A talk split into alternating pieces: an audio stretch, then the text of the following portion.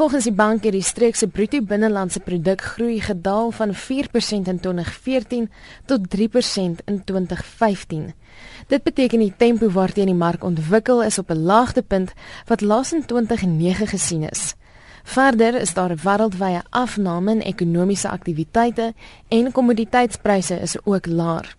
Volgens 'n ekonoom by die Wêreldbank, Marek Anush, plaas swak wisselkoerse druk op inflasie wat banke geen ander opsie laat nie as om hulle tariewe te verhoog. En dien die droogte die ekonomie ook 'n facehou toe. I think the drought is mostly a, um, a story about inflation and about poverty. So agriculture is actually relatively small in GDP. So on the GDP side, it's not too large. The drought has affected GDP last year. It shaved about 0.2 percentage points of growth because it was such a huge contraction of about 8%. Um, we expected a little less this year, but it's going to be still about 5% uh, contraction in agriculture this year. Currently, we have agriculture growing at uh, minus 4.3% this year. And, and the reason is, I mean, it depends a little bit on, on whether we see rain in these next coming of weeks. It affects the planting season. And we still expect output in agriculture to be relatively low this year, so this will require further food imports this year. Hy sê om aan te pas by internasionale uitdagings, moet daar daadwerklike pogings aangewend word vir die mobilisering van plaaslike hulpbronne. Volgens hom is dit tyd dat Afrika lande meer aandag gee daaraan om beleid te hervorm sodat die groeipotensiaal van die kontinent ontsluit kan word wanneer kommoditeitspryse afplat.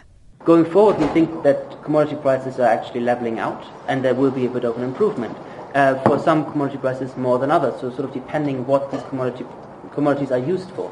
So in the case of platinum, we do actually see recovery of prices up to 2025. For iron ore, not so much. Iron ore prices are currently at about $42 in 2016. We expect them to go up to about $65 by 2025, but that is a far cry from the $170 we have seen in the past. So in terms of commodities, you're right, there's not going to be much of a, of a growth impetus.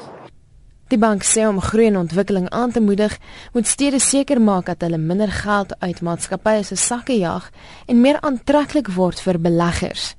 Anush sê daar is sektore waar groei heel moontlik kan plaasvind onder die huidige ekonomiese toestande. Services hold huge potential for South Africa, um, especially in sectors such as ICT, transport and financial services. That's the one side. Services also obviously um, are relatively labor intensive, so they have hold huge potential to reduce the high unemployment rate. If you reduce the unemployment rate, households are better off. There will be more of a consumption, uh, consumption uh, impetus.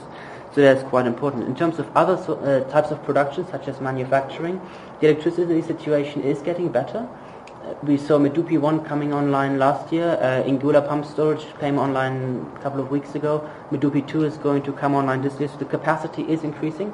Um, so on the production side, these constraints will be slightly less. We are relatively hopeful in that sense about manufacturing. Dit was 'n ekonom by die Wêreldbank, Marek Anush. Hierdie verslag is saamgestel deur Morafet Abane in Johannesburg en ek is Marlene Forsie vir SABC nuus.